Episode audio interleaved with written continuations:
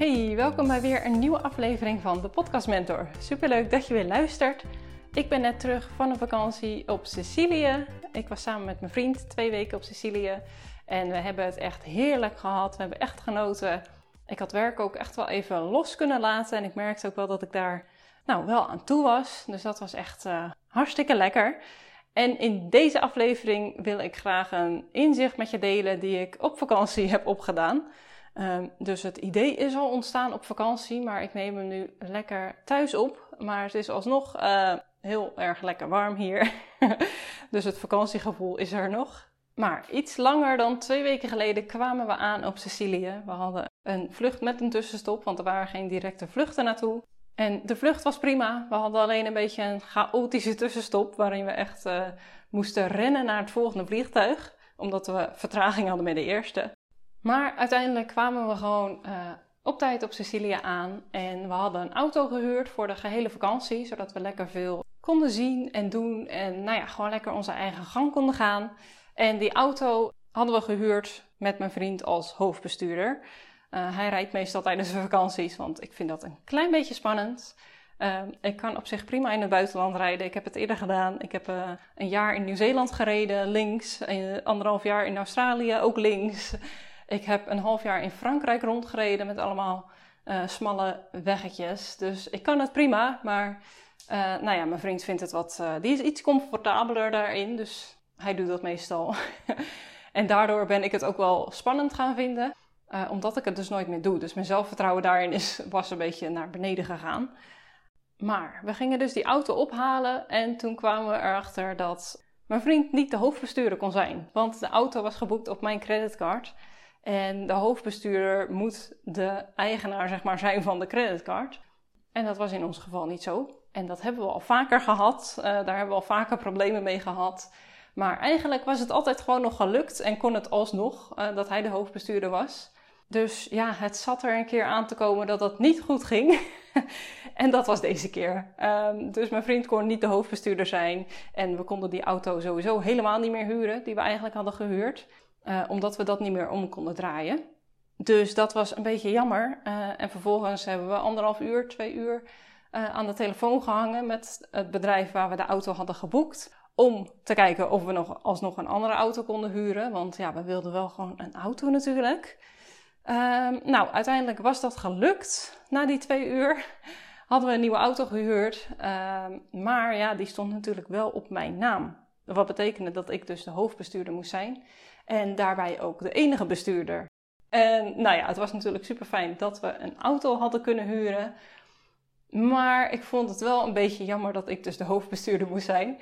En dat ik dus de hele vakantie zou moeten rijden. En Sicilië is best wel groot.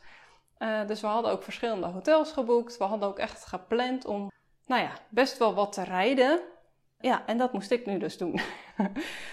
maar goed, uh, op zich heb ik dat wel vrij snel kunnen omdraaien naar een positieve gedachte. Want ik geloof heel erg dat dingen gebeuren met een reden. En ik merkte gewoon dat voor de vakantie had ik echt even behoefte om echt op vakantie te gaan. Dus niet meer bezig te zijn met alles uh, rondom mijn bedrijf. Uh, niet meer continu op mijn telefoon te kijken. Niet meer steeds op social media te zitten.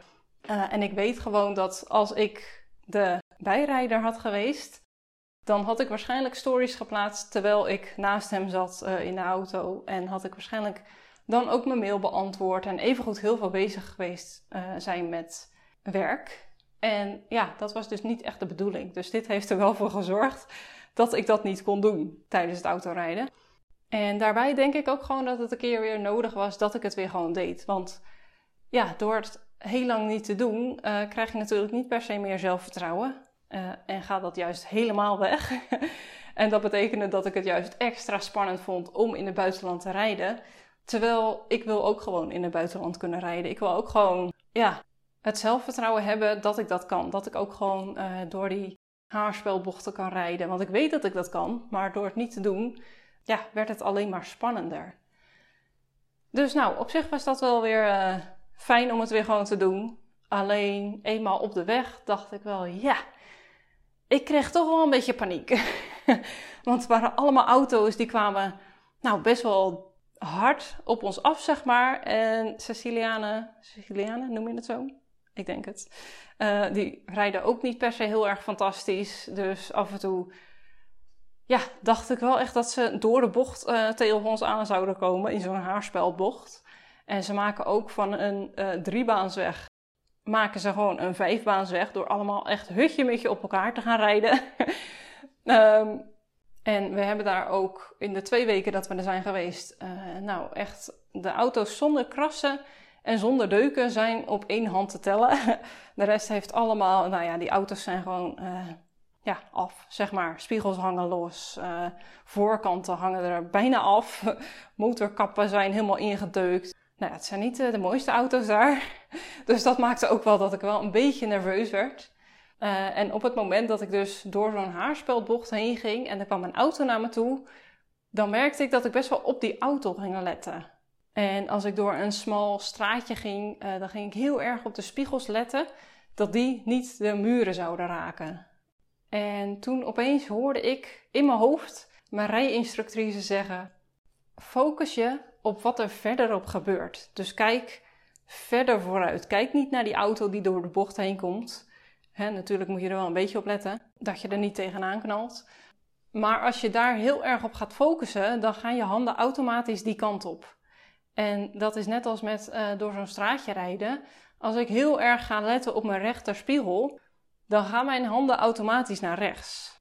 Dus focus je op wat er verderop gebeurt. Dus kijk door de bocht heen en kijk naar waar je naartoe gaat.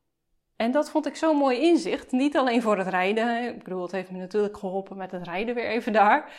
Maar ook in uh, ja, gewoon het leven in je business. Het is natuurlijk zo belangrijk om te kijken naar waar je naartoe wilt. En niet te focussen op alles wat er nu niet goed gaat. Want als je daar heel erg op gaat focussen, dan gaat daar dus je aandacht naartoe.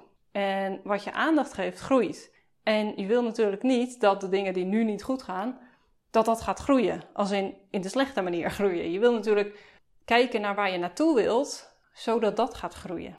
En als we hem dan even naar de podcastwereld trekken, dan kan je natuurlijk denken: Nou, ik heb nog helemaal niet genoeg luisteraars. Uh, ik kan het niet en ik weet niet wat ik moet doen. En nou, je kijkt continu naar het luisteraars dat je eigenlijk nog niet genoeg vindt. Dan blijf je heel erg in die negatieve energie hangen, in die negatieve gedachten hangen. Terwijl als je denkt, nou, ik wil uh, x aantal luisteraars uh, aan het einde van het jaar, dan ga je kijken naar de mogelijkheden. Oké, wat kan je dan doen om die luisteraars te bereiken? Wat kan je doen om je podcast te laten groeien? Of als je nog wilt starten en je bent heel erg gefocust op, ja, ik weet niet hoe de techniek werkt. En ik weet eigenlijk ook niet of er wel mensen op mij zitten te wachten. En ik weet eigenlijk ook niet of ik wel goed ben in verhalen vertellen. Dan blijf je daar heel erg in hangen. Terwijl als je gaat kijken naar, oké, wie wil je zijn? Welke podcaster wil jij worden? Wat wil je bereiken met je podcast? En hoe kan je daar komen?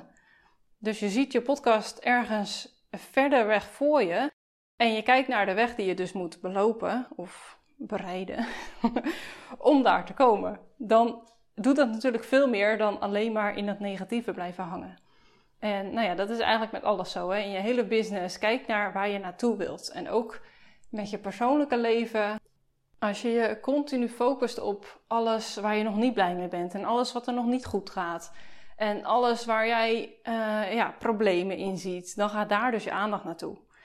En dan maakt dat een heel groot deel uit van je leven. Terwijl ja, je kan je veel beter focussen op waar je naartoe wilt en hoe je daar gaat komen. Dus focus je op wat er verderop gebeurt of waar je naartoe gaat. En hoe kan je daar dan komen? Dus nou, dat was even wat ik met je wilde delen. Dat was mijn inzicht uit het uh, rijden in Sicilië.